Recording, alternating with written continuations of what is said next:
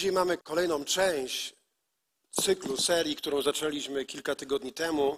Tytuł tej serii Prześladowcy przeznaczenia. Ja koncentruję się na strachu, bo myślę, że strach jest jednym z takich narzędzi wroga, który nas próbuje powstrzymać przed przeznaczeniem, które ma dla nas Bóg.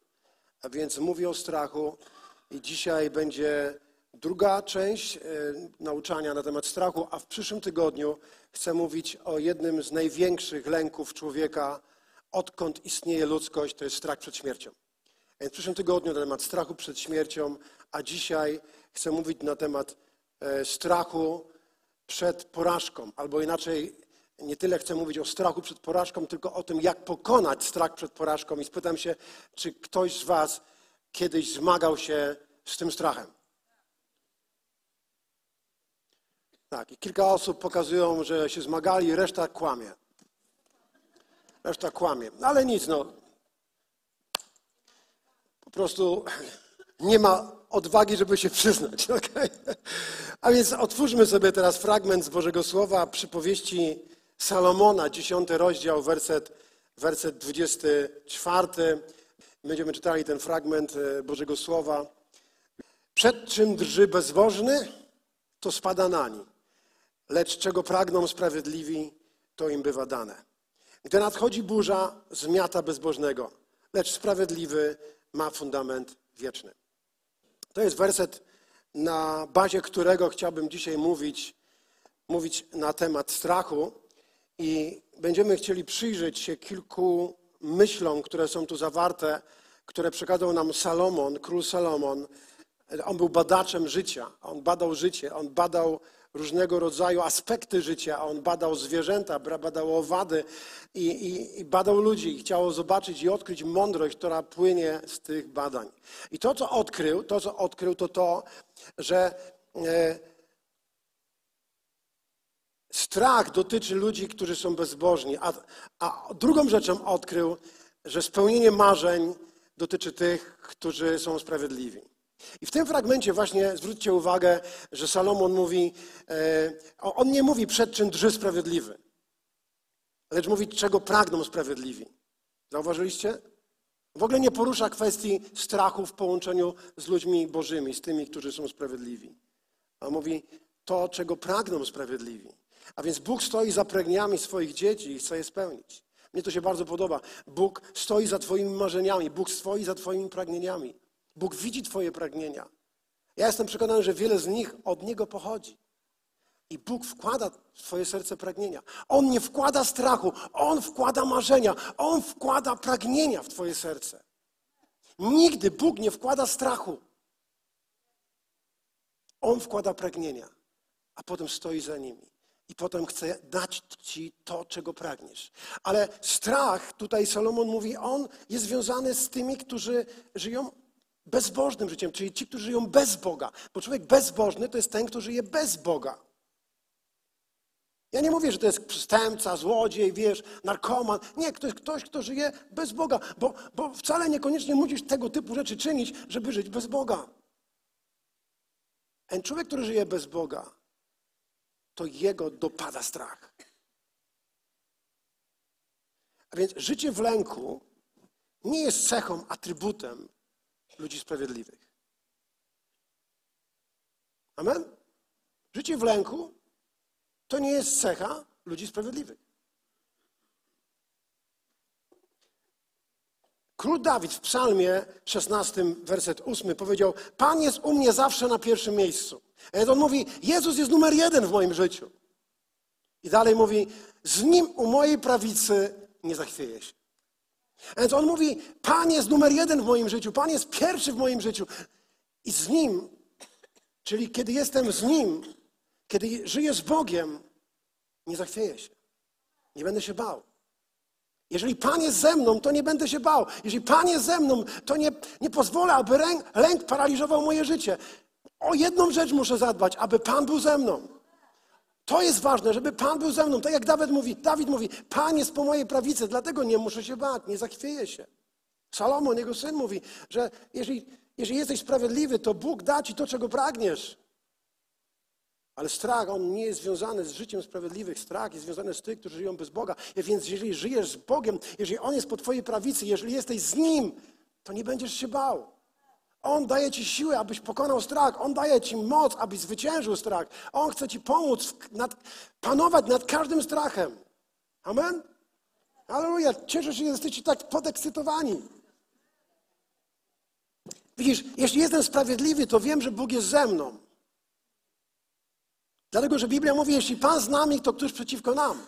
Więc jeżeli ja jestem sprawiedliwy, to ja wiem, że Bóg jest ze mną, tak jak powiedział Dawid, Pan jest po mojej prawicy. A jeśli Bóg jest ze mną, Dawid mówi, Pan po mojej prawicy, a, a Nowy Testament mówi, że Jezus jest w nas, Chrystus w nas, nadzieja chwały. To jest daleko lepiej. To jest daleko lepiej niż Pan jest po prawicy czy po lewicy. On jest w nas. Jeśli Pan jest w nas, to któż przeciwko nam? Przyjdzie jakiś strach do Twojego życia, jakaś fobia, jakaś lęka, lęk, ale Ty możesz powiedzieć, jeśli Pan jest ze mną, to któż przeciwko mnie? Jako sprawiedliwy jestem przeznaczony do zwycięstwa. Biblia mówi, nawet jeśli się potknę, to Pan mnie podniesie. Jeśli sprawiedliwy siedem razy się potknie, to Pan go podniesie za każdym razem. Choćby siedem razy upadł, zachwiał się, to Pan go podniesie. A więc to, jest, to są wszystkie obietnice, które są związane z ludźmi sprawiedliwymi. Jeśli jestem sprawiedliwy, to też wiem, że Bóg mnie wysłuchuje, bo Biblia mówi, że Pan wysłuchuje sprawiedliwych. Więc kiedy strach próbuje mnie dopaść, to ja mogę powiedzieć, jestem sprawiedliwy, bo Chrystus jest moją sprawiedliwością. On żyje we mnie. A więc jeżeli żyję sprawiedliwym życiem, to będę się modlił i Pan mnie wysłucha, bo Bóg wysłuchuje sprawiedliwych. W końcu ten fragment mówi, że gdy nadchodzi burza, to mam fundament wieczny. Zwróćcie uwagę, możemy to wyświetlić jeszcze raz. Ten fragment nawet dobrze, gdyby był cały czas wyświetlony. Gdy nadchodzi burza, zmiata kogo? Bezbożnego. Lecz sprawiedliwy ma fundament wieczny. Co to jest wieczny fundament? Czy jest coś, co może być wiecznym fundamentem? Jedna rzecz, która, w której widzę w Biblii, która jest wieczna, to jest Jego Słowo. Słowo trwa, Pana trwa na wieki. Niebo i ziemia przeminą, ale moje słowo trwa na wieki, tak mówi Pan. A więc Jego słowo, są, jest, Jego słowo jest wiecznym fundamentem. Jego obietnice są tym, co sprawiają, że mogę ostać się w czasie burzy, bo mam Boże obietnice. Amen? To jest coś, o czym potrzebujemy pamiętać. Widzisz, wielu ludzi rezygnuje ze swoich pragnień, marzeń z powodu strachu przed porażką. A Biblia mówi, że to, czego pragnie sprawiedliwy Bóg, im Bóg im, Bóg im, to im bywa dane.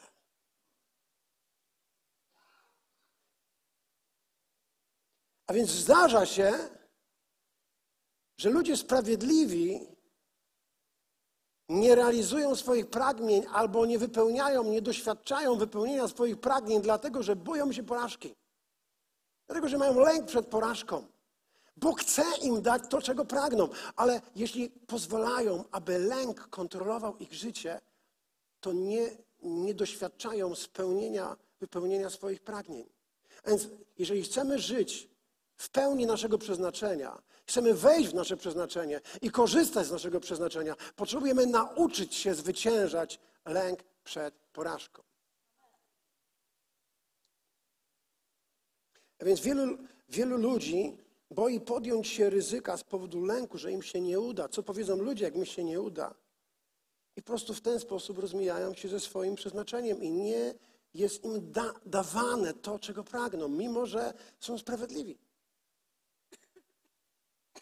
Pamiętam, kiedy mieliśmy przyjechać do Częstochowy, wielu ludzi mówiło nam, bo dzieliliśmy się tym i prosiliśmy też o modlitwę w Katowicach, bo byliśmy częścią kościoła w Katowicach. I kiedy mówiliśmy o naszych planach, kiedy dzieliliśmy się z różnymi osobami, mówili, słuchajcie, czy wiecie, że tam nie ma żadnego kościoła ewangelicznego? Już wielu różnych misjonarzy, z różnych ludzi, z różnych kościołów próbowało tam założyć kościół, ale im się nie, dało, nie udało. Na pewno i wam się nie uda i niedługo wrócicie. I to było bardzo zachęcające. Czy spotkałeś ludzi, którzy tak cię zachę potrafili zachęcić? Ale to Bóg wkładał nam pragnienia, Bóg wkładał marzenia i Bóg mówił do nas poprzez swoje słowo. A więc musieliśmy, musieliśmy pokonać lęk przed porażką i byliśmy gotowi zaufać Bogu i zaryzykować. I widzisz, jeżeli nie, pole, nie pokonasz lęku przed porażką, to, to po prostu nie będziesz gotowy zaufać Bogu i zaryzykować. Lęk zatrzyma cię przed ryzykiem, przed zaufaniem. Ale jeżeli jesteś gotowy zaufać Bogu i zaryzykować, to pokonasz lęk przed porażką. A więc musisz być gotowy zaryzykować i zaufać Bogu i zaufać Jego Słowu. Pamiętam, jak zaczynaliśmy budowę naszego budynku i ja miałem wiele, wiele rozmów i z ludźmi w banku, i, i ludźmi w urzędach, i architektach, i różnych innych ludzi. I oni robili analizę i kosztorys, mniej więcej ile to wszystko będzie kosztowało. A my wszystkich pieniędzy mieliśmy 350 tysięcy. Bank nie dał nam te, te, tyle środków, ile chcieliśmy. W ogóle nie chciał nam dać ale w końcu otrzymaliśmy dużo mniej, dużo mniej niż potrzebowaliśmy, a więc zrobienie tego całej inwestycji, mając tak mało pieniędzy, było bardzo dużym wyzwaniem. I, i myślę, że, że kto jak to, ale ja jako osoba, która te wszystkie formalności załatwiałem, a, a miałem, miałem naprawdę poważne obawy i, i miałem do czynienia, musiałem pokonać lęk przed porażką. Ale gdybym nie zaryzykował zaufać Bogu, kiedy On do nas mówił, kiedy mówił do mnie, gdybym nie zaryzykował zaufać Bogu i Jego Słowu, nigdy byśmy nie wiedzieli i nie przekonali się, co Bóg może zrobić z nami w Polsce. Nigdy, nigdy byśmy się nie przekonali, co może Bóg zrobić, kiedy my Mu będziemy gotowi zaufać. Bo wtedy On uwalniał swoją łaskę i, i, doświadczaliśmy cudów i widzieliśmy niesamowite rzeczy i, i rzeczy przyszły nie z zachodu, ale przyszły z góry, z nieba. Ale gdybyśmy nie byli gotowi zaryzykować i zaufać Mu i Jego Słowu, nie przekonalibyśmy się, co Bóg był w stanie uczynić. A więc widzisz, strach przed porażką to jest jeden z najbardziej dokuczliwych prześladowców przeznaczenia. Kiedyś próbowano zrobić badania i wybrać 10 największych lęków człowieka. I wiecie, właśnie lęk przed porażką jest jednym z tych 10 lęków. Obok takich lęków jak, jak na przykład strach przed śmiercią, będziemy o tym mówili w przyszłym tygodniu, strach przed ciemnością, strach przed chorobą, strach przed niedostatkiem, strach przed samotnością, strach przed odrzuceniem i nawet strach przed wystąpieniami publicznymi. To też jest jeden uznany, jeden z dziesięciu najgorszych lęków człowieka. A więc nie wiem, czy wiesz, że według psychologów ludzie rodzą się z dwoma rodzajami, rodzajami lęku? Słyszeliście o tym kiedyś? Według psychologów ludzie rodzą się z dwoma rodzajami lęku. I ciekawe jest to, że on, tych dwóch rodzajów lęków nie ma w tych dziesięciu. A oto te lęki, z którymi ludzie się rodzą, każde dziecko, każdy z Was, ty i ja, urodziliśmy się z tym lękiem. To jest lęk przed dźwiękiem głośnym i strach przed spadaniem. Strach przed spadaniem. Chociaż mogę powiedzieć, że to był mój strach, zanim ja się nawróciłem. Wiele razy budziłem się w koszmarach, wiele razy budziłem się dosłownie zlany potem i śniło mi się, że spadam. Spadałem w jakąś wielką przepaść. I kiedyś jeden z moich znajomych, kiedy mu opowiedziałem o tym śnie, on naprawdę mnie zachęcił. Powiedział, wiesz co, słyszałem o takich ludziach, którzy mieli taki sen. Jak już spadniesz, to możesz oczekiwać w ciągu pięciu dni na pewno umrzesz. A więc można powiedzieć, że korzeniem wszelkiego lęku jest lęk przed śmiercią. Ten lęk przed spadaniem jest związany ze śmiercią, bo boisz się, spadnie, czy będzie czerwona plama. I ono raz mnie zachęcił. Ale to mi nie pomogło. To jeszcze pogorszyło. I był moment, w którym przyjąłem Jezusa do swojego serca. W którym przyjąłem Pana jako Zbawiciela. W którym uwierzyłem, że On zwyciężył śmierć. I zaprosiłem Go. I nie wiem, czy uwierzysz w to, czy nie. Od tego dnia nigdy, nigdy, a już 35 lat żyję z Bogiem. Już nigdy więcej nie miałem takiego snu, w którym spadałem w przepaść. Jezus mnie uwolnił. I on, on tak naprawdę uwolnił no, od, od, od każdego rodzaju lęku, bo kiedy umierał na krzyżu, to jego ostatnie słowa było wykonało się. Wykonało się. On dokonał wszystkiego, ale potrzebujemy zobaczyć Jego dzieło i uwierzyć Mu abyśmy mogli również i ten lęk zwyciężyć. A widzisz, nikt z nas tak naprawdę nie rodzi się z lękiem, ze strachem przed porażką. Owszem, możemy się urodzić z lękiem przed dźwiękiem głośnym albo przed spadaniem, ale nikt z nas nie rodzi się ze strachem przed porażką. Nauczyłeś się bać niepowodzeń z powodu doświadczeń, jakie spotkały cię w życiu. Lęk przed porażką jest nabyty, jest wyuczony. To jest coś, co nabyłeś, coś, czego się wyuczyłeś z powodu różnych doświadczeń, które przeżyłeś. Nie wiem, czy wiecie, że w Biblii jest aż 365 razy wymienione słowo nie bój się. 365 razy. To, to możesz zobaczyć w internecie, jest taka ciekawostka, że, że w, możesz znaleźć w różnych formach, albo nie bój się, albo nie lękaj się. Bóg 365 razy powiedział nie bój się. To tak jakby na każdy dzień, na każdy dzień dał nam jedno nie bój się. I potrzebujesz uchwycić się tego jednego nie bój się, aby znaleźć sobie odwagę i stać się tym, kim Bóg chce cię uczynić. Musisz uchwycić się swojego jednego nie bój się, aby być tym, kim Bóg chce, abyś był. Byś był tym, do czego On cię przeznaczył. I każdy z nas rodzi się z przeznaczeniem. Każdy ma jakieś przeznaczenie od Pana Boga. Każdy ma inne przeznaczenie. Ale Bóg każdego z nas przeznaczył do jednej i tej samej rzeczy, abyś był światłością i solą tej ziemi. I to jest nasze wspólne przeznaczenie, abyś był człowiekiem przemiany, abyś zmieniał świat, abyś był solą, aby był światłem. Nigdy nie wpłyniesz na świat i nie zmienisz świata, kiedy będziesz się bał porażki. Dlatego, że wszystko, cokolwiek robimy jako Kościół, związane jest z ryzykiem. Musimy zaufać Bogu, aby zaryzykować. Więc chcę dzisiaj mówić o tym, jak pokonać swój strach. Jak pokonać swój lęk przed porażką. I oto dam wam pewną historię, która myślę, że jest dobrą ilustracją. Pewnego razu wódz indiański, wódz indyjskiego plemienia uczył swego wnuczka, że każdy z nas ma w sobie dwa wilki. Dobrego wilka i złego wilka.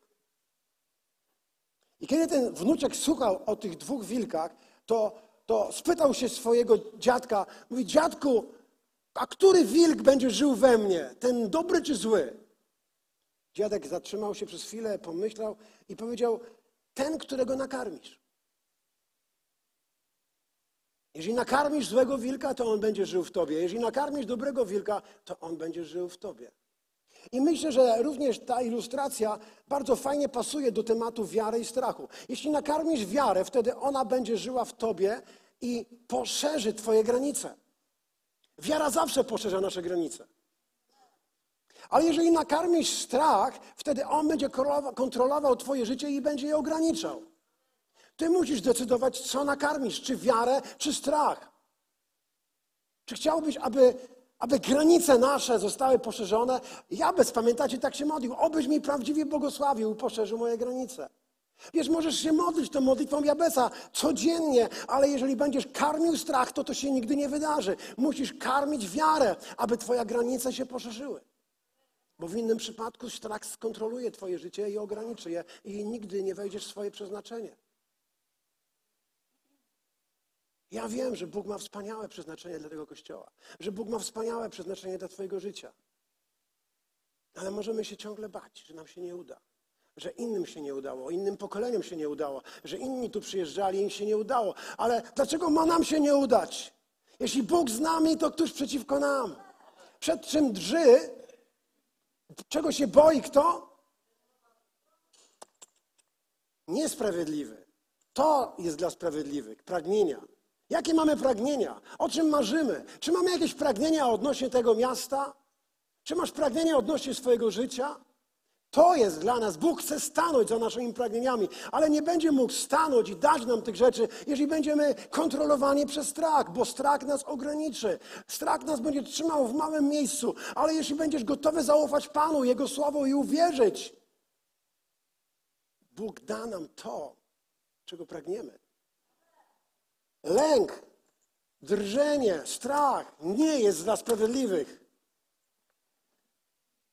To nie jest dla sprawiedliwych. Bo ze sprawiedliwymi jest ten, który jest alfa i omega, ten, który jest królem królów i panem panów, ten, który rządzi wszystkim. Pan jest pierwszy w moim życiu, dlatego on się nie zachwieje, mówi, mówi Dawid. On jest po mojej prawicy, on jest w nas. A więc widzisz, jest tak wiele zachęty, które płynie z Bożego Słowa. Jest tak wiele zachęty. Jeżeli nakarmisz swoją wiarę, wtedy zagłodzisz swój strach. Jeśli nakarmisz swój strach, wtedy zagłodzisz swoją wiarę. Ty musisz decydować, który wilk będzie żył w tobie, dobry czy zły. Czy będzie żył w tobie strach czy wiara. To ty musisz decydować. Ja mogę się modlić o ciebie, ale ja nie mogę podjąć decyzji. To ty musisz podjąć decyzję, kogo będziesz karmił w swoim życiu.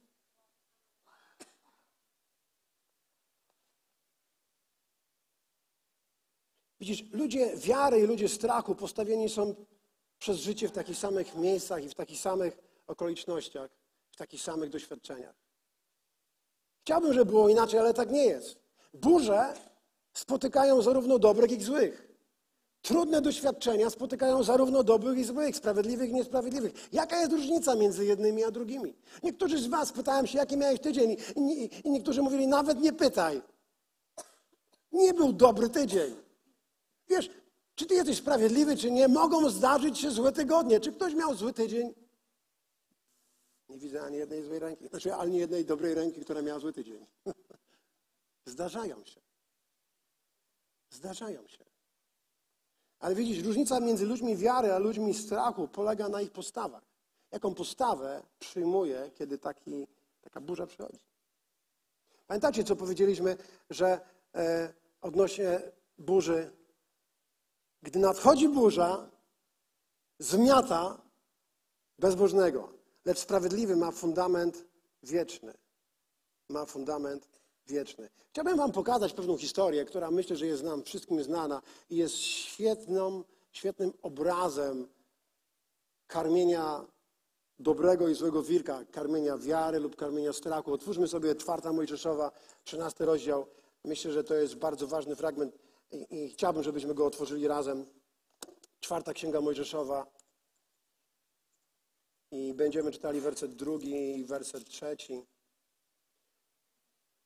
Pan przemówił do Mojżesza tymi słowem. Powiedzcie ze mną, Pan przemówił. Jeszcze raz. To Bóg powiedział Mojżeszowi, żeby to zrobił. Wiesz, ja tak zastanawiałem się, Mojżeszu, po co ty wysyłałeś tych dwunastu wywiadowców? Po co ty ich tam wysyłałeś? Gdybyś ich nie wysłał, to nie było tych, tych problemów, byłoby wszystkich. Ale Pan przemówił do Mojżesza. Wyślij tych dwunastu wywiadowców. Czytajmy dalej. Wyślij zwiadowców do Kanaanu, aby obejrzeli ziemię, którą zamierzam dać synom Izraela. Powiedzcie, zamierzam. Hmm. Bóg zamierzył dać im przeznaczenie. Dać im dobrą ziemię. Bóg zamierzał. Jeszcze raz, chciałbym, żebyście, żebyście to uchwycili. Tutaj musimy to napisać. Bóg mówi, zamierzam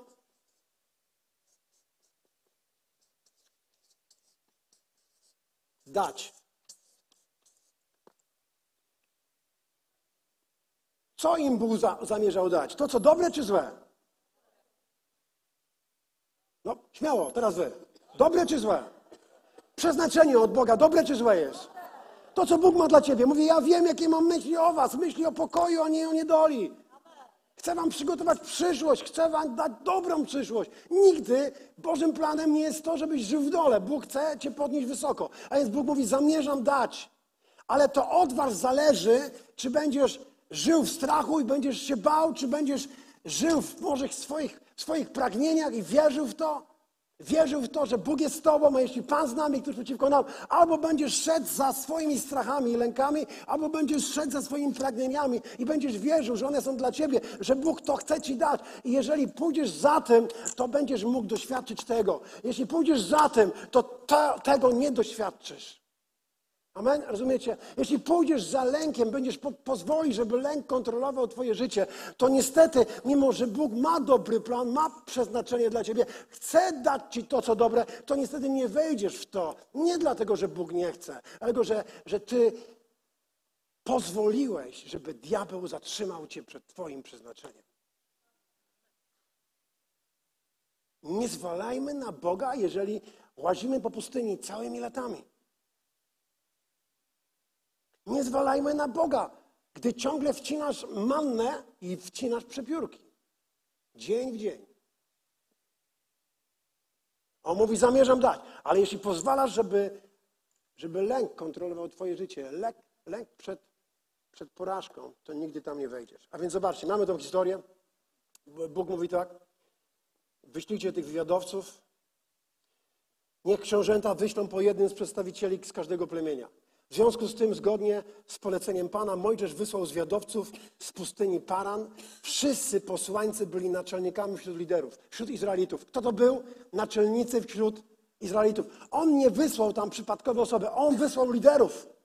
Liderów tam wysłał. Powiedzcie, liderów tam wysłał. On wysłał naczelników. On nie wysłał przypadkowe osoby, on wysłał liderów, on wysłał tych, którzy mieli nadać kierunek. To, co się wydarzyło, jest opisane w następnych potem wersetach i rozdziałach. 40 dni byli na zwiadach. I po 40 dniach wrócili z tej wędrówki po ziemi obiecanej i, i przekaz dziesięciu okazał się zupełnie inny niż przekaz dwóch. Przekaz dziesięciu, relacja dziesięciu tych wywiadowców była zupełnie inna niż tych dwóch. Na czym polegała różnica? Halo. Wiecie, to, znacie tą historię, tak?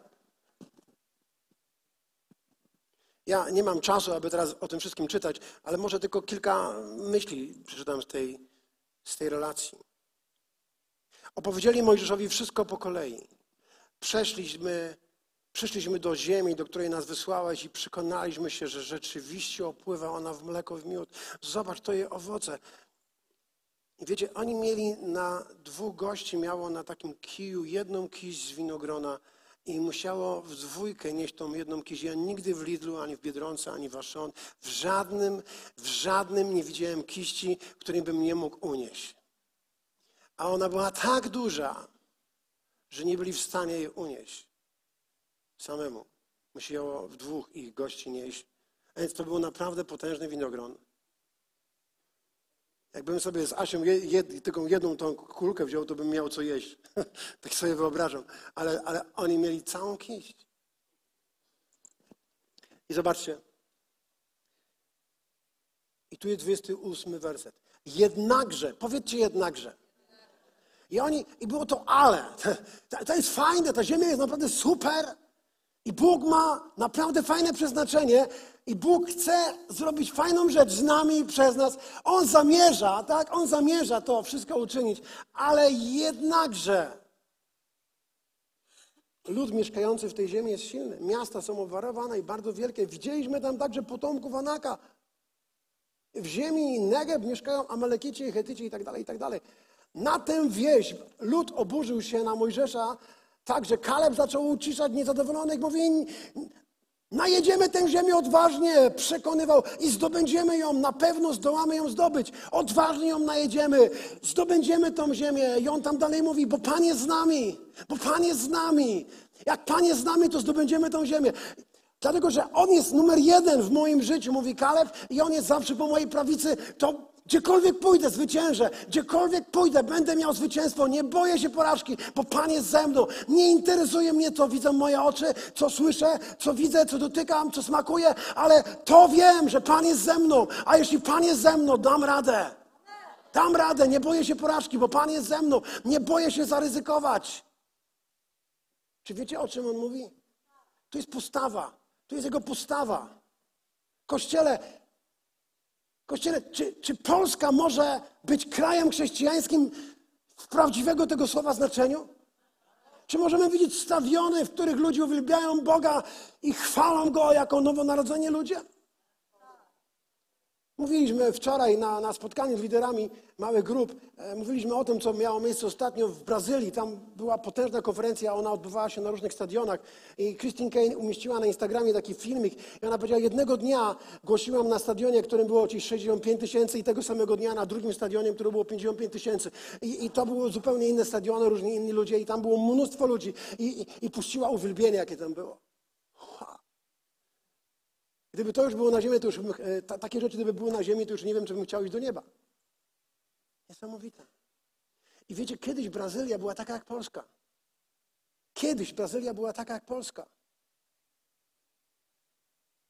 Ale byli ludzie, którzy nie bali się zaryzykować, nie bali się porażki, nie bali się poświęcić swojego życia, nie bali się dać z siebie wszystko, nie bali się zaufać Bogu, Jego Słowu i zaczęli się modlić zaczęli głosić odważnie. W ciągu jednego pokolenia, bo około 20 lat temu byłem w Brazylii, widziałem, jak oni się modlili. Widziałem, jak to się wszystko działo, jak to był, może to były jeszcze takie początkowe lata. I dzisiaj możemy widzieć Brazylię przemienioną. To nie ten kraj. To zupełnie ten kraj. To kiedyś był katolicki kraj, ale teraz już trudno nazwać Brazylię katolickim krajem. Bóg może wszystko, jeżeli są ludzie, którzy są gotowi zaufać Mu. A więc, a więc Kaleb zupełnie inaczej brzmiał niż tych dziesięciu wywiadowców. Widzisz, nie postrzegamy rzeczy takimi, jakimi są, ale takimi, jakimi my jesteśmy w środku. Jeszcze raz chcę, żebyście to usłyszeli, bo nie wszyscy to usłyszeliście. Nie postrzegamy rzeczy takimi, jakimi są, ale takimi, jakimi my jesteśmy w środku. Widzisz, żeby to, żebyś mógł to lepiej zrobić, jeśli zrozumieć, jeśli jesteś osobą, której można zaufać, to będę tak samo patrzył na ludzi wokół, wokół siebie. Będę pełen ufności w stosunku do ludzi. Ale jeżeli jestem osobą podejrzliwą, mój tata był taki podejrzliwy, to będę ciągle innych podejrzewał. I to tak się dzieje. Nie to, że ludzie gadali o nim źle, ale dlatego, że on był podejrzliwy. A on myślał, że wszyscy o nim mówią źle. Słyszałem, jak, jak jeden kiedyś z ludzi takich siedział na trybunach i tam był mecz baseballowy i oni, wiecie, czasami na środku się tak naradzają. I zbierają się w kupę ci, ci, ci zawodnicy i oni się naradzają, jak grać. No w każdym praktycznie meczu. I on tam siedzi i mówi do kolegi, słuchaj, o mnie gadają. O, o mnie rozmawiają. Popatrz, znów, znów, znów mnie obgadują. On był tak podejrzliwy, że nawet takie myśli mu przyszły. A więc widzisz, tak naprawdę to, to, co jest w tobie, ma wpływ na to, jak ty obserwujesz i postrzegasz rzeczy, które są wokół ciebie. A więc ludzie strachu, widzimy na podstawie tej historii, mają bardzo niskie poczucie własnej wartości. Tutaj w wersecie 33 czytamy, widzieliśmy tam także potomków Anaka, wywodzących się od olbrzymów. Wobec nich wydawaliśmy się sobie jak szarańcza i tacy byliśmy w ich oczach. Zobaczcie, oni mówią tutaj, że byli w oczach tych ludzi i wydawali się im jak szarańcza. A ja zastanawiałem się, czy oni podeszli do tych olbrzymów, do tych anakitów i spytali się, słuchaj, popatrz na mnie, hej, hej, ty anakita, ty anakita, co myślisz o mnie? Dobra, co, myślisz o tych mięśniach, tak? Albo o moim mieczu, co myślisz? Oni w ogóle tam nie podchodzili do nich. Oni w ogóle nie pytali się ich, co oni o nich myślą. Oni już określili swoje przeznaczenie przez to, jak oni patrzyli na samych siebie i co oni o sobie myśleli. Amen? Więc ludzie, którzy żyją w strachu, zawsze gdy otwierają swoje usta, zarażają tym strachem innych. I, I, widzimy tutaj wyraźnie, że kiedy tych dziesięciu wywiadowców otworzyło swoje usta i zaczęło mówić o tym, co oni widzieli i to, jak oni to interpretowali, to cały lud, 14 rozdział, werset pierwszy, wtedy całe zgromadzenie wzniosło głośny lament i lud, lud płakał tej nocy. Ludzie płakali tej nocy, dlatego że ktoś zasiał strach. Ktoś zasiał lęk przed porażką i wszyscy drżeli, bali się i płakali tej nocy. Oni nie poszli za swoimi pragnieniami i nie weszli w to, co Bóg zamierzał im dać. Oni zaczęli bać się, dlatego że ktoś skaził ich swoim lękiem. Ktoś skaził ich swoją niewiarą. Czy tak się dzieje w kościele też? Tak, tak może być w kościele.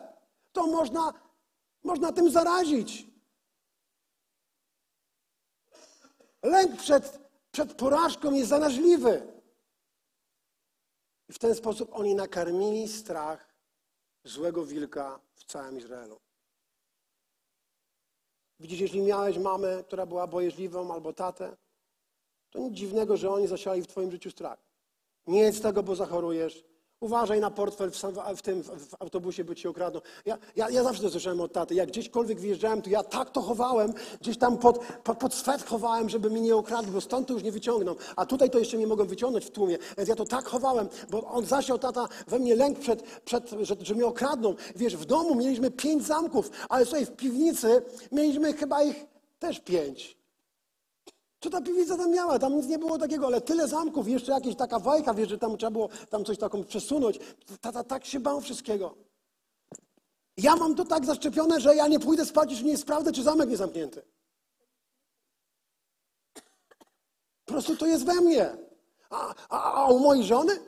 Tam dopiero zasiewali. E, takie były wiecie, film, filmy o tych takich, co e, badali te katastrofy lotnicze. Ja tak lubiłem to oglądać, Wy, Asiu, obejrzymy sobie, zobaczymy, o ta katastrofa, co było.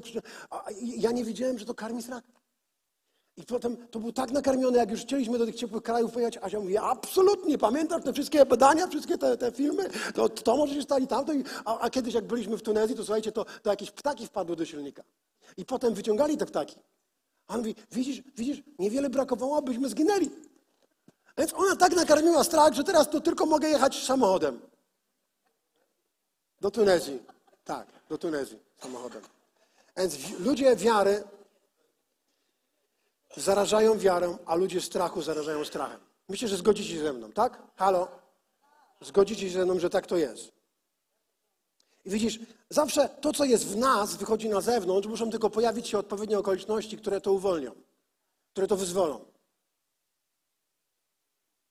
Pamiętam, jak budowaliśmy nasz budynek i, i, skończyła się pożyczka. To był taki fajny okres, jak mieliśmy tą pożyczkę. To było w banku pieniądze i jak trzeba było jakąś fakturę zapłacić, to tylko cyk, przelewaliśmy i sprawa załatwiona. A mieliśmy stan surowy zamknięty i już nie było ani złotówki. To był mniej więcej koniec listopada. Nie mieliśmy ani złotówki, żeby dokończyć to wszystko. Więc patrzyliśmy na to, wszystko co było wokół nas. Kasy nie było, po prostu były puste mury i wtedy musieliśmy zaufać Bogu, bo wtedy strach nas próbował zatrzymać kontrolować. Musieliśmy zaufać Bogu. Ale jako, że mieliśmy Słowo, mieliśmy fundament wieczny, to uchwyciliśmy się tego Słowa i Bóg był z nami. Gdybyśmy nie zaufali Panu nie zaryzykowali, nie doświadczylibyśmy tych wszystkich cudów, które doświadczyliśmy. Ale Bóg nas przez to wszystko przeprowadził. To jest niesamowite.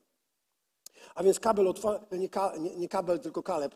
E, Kaleb, Kaleb, Kaleb otworzył swoje usta i mówi, Idźmy i zdobądźmy tę ziemię. Idźmy teraz, bo Bóg jest z nami. Zobaczcie, to wszystko możecie sobie przeczytać. Ósmy werset. Jeśli Panu podobał sobie nas, to do nas do tej ziemi wprowadzi. On nam tę ziemię da opływającą w mleko miód. Tylko nie buntujcie się przeciwko Panu. Nie bójcie się mieszkańców tej ziemi. Tak padną naszym łupem. Nie mają osłony. Z nami jest Pan. Nie bójcie się ich. Z nami jest Pan. Musisz jedną rzecz tylko wiedzieć w swoim życiu, że Bóg jest z Tobą. Wszystko, czego potrzebujesz, żeby pokonać strach, to musisz mieć tą pewność, że Pan jest z Tobą. Jeśli Pan jest z Tobą, to nie musisz się bać. To idź do przodu. I On mówi właśnie dokładnie to. Bo Pan jest z nami. Bo Pan jest z nami. Bo Pan jest z nami. Dlatego mamy godziny modlitwy. Dlatego modlimy się o różne rzeczy.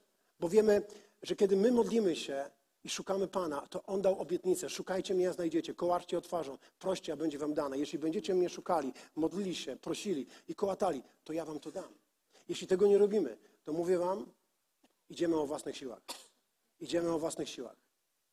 Ale kiedy modlimy się, możemy być pewni, że Pan będzie z nami. I nie musimy się bać, nie musimy się lękać. Widzisz, ludzie wiary zawsze mówią teraz, a ludzie strachu mówią, to się nigdy nie zdarzy, albo później. Jeszcze nie teraz, to później. O, to nie, nie, nie teraz, to, to, to za jakiś czas. To, to jeszcze nie teraz. A więc ludzie wiary mogą dzisiaj mieć to, co Bóg dla nich przeznaczył. Mogą mieć to, czego pragną, dlatego że wierzą. I wiara jest zawsze teraz. Wiara nie jest jutro, wiara jest teraz. A, a, a ludzie strachu potrzebują ciągle czekać. Potrzebują 40 lat błąkać po pustyni, po pustyni, zanim tam wejdą. I często zanim tam wejdą, to już umrą. Albo pragnienia umrą, albo oni umrą. I ja nie chcę być takim człowiekiem, który chodzi po pustyni. Ja nie chcę być człowiekiem, który, który żyje w lęku i strachu. Ja chcę być człowiekiem, który wchodzi w to, co Bóg zamierza mi dać. Ja wierzę, że Bóg zamierza nam dać Częstochowę. Ja wierzę, że Bóg zamierza nam dać, ale czy On nam da, to zależy tylko od tego, czy pozwolimy, aby strach kontrolował nasze życie, czy zaufamy Panu i będziemy wierzyli, że On da nam to, czego pragniemy. Halo? Niech ktoś z Was powie amen w końcu. Halleluja. Halleluja. Więc nigdy nie pozwól, już blisko lądowania jest, zapnijcie pasy, nigdy nie pozwól, aby strach decydował o Twojej przyszłości. Zdarzyło Wam się kiedyś, że pozwoliłeś, żeby strach decydował o Twojej przyszłości? Wiecie, że dużo ludzi wyjeżdża z Częstochowy, bo tu nie ma roboty dobrej, dobrze płatnej? I boją się ubóstwa, boją się, że nie dadzą rady, boją się, nie opłacą, boją się, że tutaj nie zrealizują swoich pragnień i, i, i pozwalają, aby strach decydował o ich życiu. A więc jeśli strach będzie kontrolował Twoje decyzje, możesz być pewny, że będzie to zawsze zła decyzja. Tak i amen. Jeśli będziesz, jeśli strach będzie kontrolował Twoje decyzje, to możesz być pewny, że będzie to zawsze zła decyzja. Dlatego nigdy nie pozwól, aby strach, strachy przeszłości miały wpływ na to, jak postrzegasz przyszłość i przeznaczenie. Widzisz, to myślenie Żydów było ukształtowane przez doświadczenia Egiptu. Tam przez odrzucenie, przez zranienia, przez poniżenie, przez ubóstwo, przez momenty takiego cierpienia, które mieli. I kiedy przyszedł moment wejścia do ich przeznaczenia, oni bali się stawić czoła wyzwaniom i podjąć walkę i zaufać Bogu Jego Słowo, dlatego że nakarmili strach w Egipcie i pozwolili, aby On nad nimi panował. Oni nakarmili ten strach w Egipcie, posłuchajcie. My nakarmiliśmy często swój strach przed porażką w naszym rodzinnym domu, u naszych rodziców. W różnych miejscu możesz karmić swój strach, ale jeżeli gdzieś nakarmiłeś swój strach, to musisz w pewnym momencie powiedzieć: koniec, stop, już więcej nie będę go karmił, teraz zacznę karmić wiarę, dlatego że to wiara pomoże mi wejść w moje przeznaczenie. Strach mnie przed nim zatrzyma, ale wiara, jak nakarmię ją, to pozwoli mi wejść w moje przeznaczenie. A więc kiedyś Chris Voloton, to jest jeden z pastorów w Bethel, ja sobie zapisałem tutaj jego ciekawą myśl, powiedział, jeżeli istniałaby jedna rzecz, którą mógłbyś zrobić, gdybyś się nie bał, a jej nie robisz, to znaczy, że strach już określił Twoje przeznaczenie. Wow, to jest dobre. Pomyśl o tym. Jeśli istniałaby jedna rzecz, którą mógłbyś zrobić, gdybyś się nie bał, ale jej nie robisz, to znaczy, że, że pozwoliłeś, żeby strach, strach określił Twoje przeznaczenie. A więc widzisz, kiedy, kiedy pozwalasz, aby strach kontrolował Twoje decyzje, wtedy pogardasz Bogiem i Jego przeznaczeniem dla Twojego życia. To jest mocne. Chcę, żebyście posłuchali. To jest chyba najmocniejsze z tego wszystkiego, co dzisiaj chcę powiedzieć. Jeśli pozwalasz, aby strach kontrolował Twoje, twoje życie i Twoje decyzje, to gardzisz Bogiem i gardzisz Jego przeznaczeniem dla Twojego życia. Skąd to wziąłem? Zobaczcie. 14 rozdział, werset, werset 11. Wtedy Pan powiedział do Mojżesza, jak długo ten lud będzie mną pogardzać? Jak długo nie będą mi wierzyć, pomimo wszystkich znaków, których dokonałem wśród nich? Uderzę go zarazą i wydziedziczę. Ciebie uczynię narodem większym i liczniejszym niż oni. A więc Bóg się wkurzył. Wiecie, że czasami Bóg się wkurza? Kiedy pozwalamy, żeby strach nami rządził, kiedy nie idziemy za naszymi pragnieniami, a On nam chce dać to, co nasze pragnienie, On ma dobre zamiary względem nas i On chce nas wprowadzić w nasze przeznaczenie, ale jeżeli ciągle pozwalamy, aby świat, strach nami kontrolował, to Bóg może się zdenerwować. Jak On to odbiera, jak On to interpretuje, jak On to przyjmuje dla siebie. A On mówi tak, jak długo ten lud będzie mną pogardzał. Więc Bóg to wziął do siebie jako pogardę. Na, na czym polegał problem? Widzisz, Izraelici zapomnieli o tym, co Bóg dla nich uczynił. Zobaczcie, jak długo, długo nie będą mi wierzyć, pomimo wszystkich znaków, których dokonałem wśród nich. Oni bardziej pamiętali to, co było w Egipcie, niż to, co było wtedy, kiedy Bóg ich z tego Egiptu wyprowadzał. Oni ba bardziej pamiętali te wszystkie lęki, i strachy, które, które dopadały ich w nocy w Egipcie, niż te wszystkie lęki, niż te wszystkie cuda i znaki, które Bóg dokonał, kiedy wyprowadzał ich z Egiptu. Czyż to nie jest dziwne? Że, że można widzieć znaki, można widzieć cuda, można widzieć uzdrowienia, można widzieć Boże działanie, można widzieć, jak Bóg nas zaopatruje, można widzieć, jak Bóg się o nas troszczy, jak Bóg wybawiał Twoje dzieci, Ciebie wybawił z choroby, kogoś wybawił. I, i Ty mimo wszystko możesz żyć ciągle, ciągle gdzieś tam w dzieciństwie albo w tych wszystkich lękach, które zostały zasiane i które karmiłeś, kiedy gdzieś tam byłeś daleko od Boga. Bóg mówi, skończ tym. Bóg mówi, skończ tym. A więc gdy strach weźmie Twoje życie pod kontrolę, najlepsze rzeczy, jakie Bóg Ci dał, będą przez Ciebie zapomniane. Tak się dzieje. Amnezja. Po prostu nie pamiętasz żadnych dobrych rzeczy. Niektórzy z Was jesteście krótko i nie macie na swojej liście jeszcze dużo tych cudów i znaków, ale my, niektórzy, którzy jesteśmy tutaj, widzieliśmy ich mnóstwo. Mnóstwo, mnóstwo różnych cudów i uzdrowień, mnóstwo różnych rzeczy. I, I wiesz, czasami mówimy, no gdzie są te cuda? Gdzie jest ten Bóg, który to wszystko czynił, kiedy ja w danym momencie nie czuję tego, żeby On działał? Ta piosenka była super, którą śpiewaliście. Ta, ona dzisiaj mówiła, że, że e, Bóg działa, mimo że tego nie widzę. Nie wiem, czy dobrze tak mówię. Choć czasem tego nie widzę, to On ciągle działa. Choć czasem tego nie widzę, choć nie czuję tego, to On ciągle działa. Ja muszę w to wierzyć. Choć czasami tego nie widzę, to On ciągle działa. On się nie zmienił. Jest wczoraj, dzisiaj i na wieki ten sam. Chociaż tego nie widzę. On wciąż działa. On wciąż działa.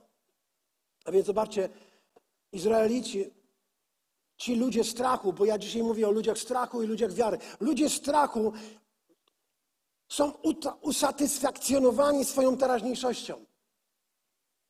Są usatysfakcjonowani swoją teraźniejszością. Po, po tym wszystkim, jak posłańcy przynieśli jakiś winogronu, kosz ogromnych fig, oni zadowolili się tym, co mieli na pustyni. Oni zadowolili się manną, oni zadowolili, zadowolili się pie, przepiórkami i nie pragnęli więcej i nie oczekiwali na więcej. Ale ludzie wiary, oni nigdy się nie zadowolą tym, co mają. Oni będą chcieli ciągle więcej, oni będą chcieli większe winogrona, one chcieli, będą chcieli większego owocu, oni będą chcieli widzieć większe zwycięstwa, oni będą chcieli widzieć większy wpływ, ale ludzie strachu będą się zadowalali tym, co mają. Choćby to była tylko manna i tylko przepiórki. Ja nie wiem, jak można się zadowolić manną i przepiórką. Czy rozumiecie, o czym mówię? Ludzie strachu chcą więcej. Ludzie strachu chcą więcej. Ludzie strachu nie zadowolą się tym, co mają. Chcą więcej. A ludzie wiary, w przeciwieństwie do ludzi strachu, ciągle pamiętają o tym, co Bóg dokonał i są wdzięczni. Kaleb i Jozue pamiętali doskonale o tym, co Bóg dokonał, o wszystkich znakach i cudach i byli wdzięczni. Chcę, żebyście to zobaczyli. Ludzie, o, fajnie, zacznijmy grać. Ludzie wiary pamiętają, co Bóg dokonał i są wdzięczni. Ludzie strachu pamiętają o rzeczach, które, których nie doświadczyli albo które ich gdzieś paralizowały wcześniej, ale zapominają o tym, co Bóg dokonał. I ludzie wiary karmią swoją wiarę, gdy podejmują się ryzyka i robią kroki wiary. Chcę, żebyście to uchwycili. Kiedy możesz nakarmić swoją wiarę? Kiedy podejmujesz ryzyka, jeżeli możemy prosić, to zacznij grać. Chcę już poprowadzić Kościół do modlitwy. Kiedy podejmujesz się ryzyka i robisz kroki wiary, jesteś gotowy zaryzykować, aby zaufać Bogu i temu, co On powiedział, wtedy karmisz swoją wiarę. Zobacz, Kaleb i Jozue przeszli przez Jordan, byli gotowi stawić czoła wyzwaniom. Dlaczego? Bo byli uzależnieni od Boga. Jeszcze raz chcę to powiedzieć. Oni byli uzależnieni od Boga. Oni widzieli, że Bóg jest z nim i bez Niego by nie byli gotowi, ale byli uzależnieni od Boga i wiedzieli, że Bóg jest z nim i dlatego byli gotowi zaryzykować. Jeżeli będziesz uzależniony od Boga, nie będziesz uzależniony od strachu. Jeżeli uzależnisz się od Boga, to strach nie będzie kontrolował Twojego życia i nie będzie wpływał na Twoje decyzje, nie będzie wpływał na Twoje przeznaczenia. Ale jest warunek, musisz być uzależniony od Boga. Kaleb i Jozue byli uzależnieni od Boga. Oni ufali i wierzyli Jego słowu. Pamiętali doskonale, że Bóg powiedział, zamierzam dać. A kiedy Bóg zamierza dać, to da jeżeli tylko pójdę za moim pragnieniem i nie pozwolę, aby strach mną kontrolował. Jeśli pozwoli, żeby strach Tobą kontrolował, to mimo, że Bóg ma dobrą przyszłość dla Ciebie i ma fajne przeznaczenie, to niestety nie będziesz mógł wejść w nie. Nie dlatego, że Bóg nie chce, ale dlatego, że Ty pozwala, żeby diabeł Cię zatrzymał, kontrolował i ograniczał Twoje życie. I John Maxwell powiedział kiedyś coś ciekawego, co myślę, że jest dobrym dobrą ilustracją do tego, co powiedziałem. Strach jest rezultatem uzależnienia się od samych siebie, a wiara jest rezultatem uzależnienia się od Boga. I to mi się bardzo podoba. Strach jest niczym innym jak rezultatem uzależnienia się od samych siebie, a wiara jest rezultatem uzależnienia się od Boga. To jest bardzo dobre. Chciałem, żebyśmy wstali, będziemy się modlili. Panie, dziękujemy Ci, że Ty masz wspaniałą przyszłość dla, dla każdej osoby, która jest na tym miejscu, dla każdej osoby, która to oglądała w internecie. Panie, dziękujemy Ci, że Ty zamierzasz nam dać, Panie, naszą ziemię obiecaną, nasz Kanean, nasze przeznaczenie. Chcesz nam dać miasta, chcesz nam dać naród, chcesz nam dać oglądać Twoje królestwo przychodzące w mocy. Panie, dziękuję, że Ty chcesz sprawić, że nasze pragnienia, Panie, ziszczą się, że, że to, co pragniemy, że to będzie nam dane. Panie, dziękujemy Ci, że Ty jesteś z nami, nie tylko po prawicy naszej, ale Ty jesteś w nas, Ty jesteś z nami. Ty chcesz, Panie, żebyśmy byli uzależnieni od Ciebie, Panie, ale nie nie uzależnieni od strachu i kontrolowani przez strach. Ojcze, modlę się teraz dzisiaj, abyś pomógł dzisiaj każdej osobie zwyciężyć lęk przed porażką. Panie, modlę się o dzisiaj o każdą osobę, która z powodu lęku przed porażką, lęku przed niepowodzeniem nie wchodziła w te rzeczy, które, których pragnęła w sercu. I ja dzisiaj związuję ducha lęku, związuję ducha strachu i dzisiaj ogłaszam to, że Bóg nie dał nam ducha lęku, nie dał nam ducha porażki, ale Bóg nam dał ducha mocy, miłości i czegoś trzeźwego myślenia. I ten duch prowadzi nas do zwycięstwa. Ojcze, modlę się teraz, daj zwycięstwo, daj zwycięstwo nad lękiem przed porażką każdej osobie. Niech się nie boi, niech Panie idzie za pragnieniami, niech Panie wierzy w to, co Ty zamierzasz. Ojcze, niech wejdzie w swoje przeznaczenie. Panie, dajemy odpór duchowi strachu i lęku w imieniu Jezusa. Przeciwstawiamy się, przeciwstawiamy się lękowi i nie będziemy go karmili, ale będziemy karmili wiarę, będziemy karmili wiarę. Panie, i będziemy oglądali nasze przeznaczenie w tym kraju. W imieniu Jezusa niech tak się stanie, a wszyscy powiedzieli Amen, amen, halleluja, halleluja.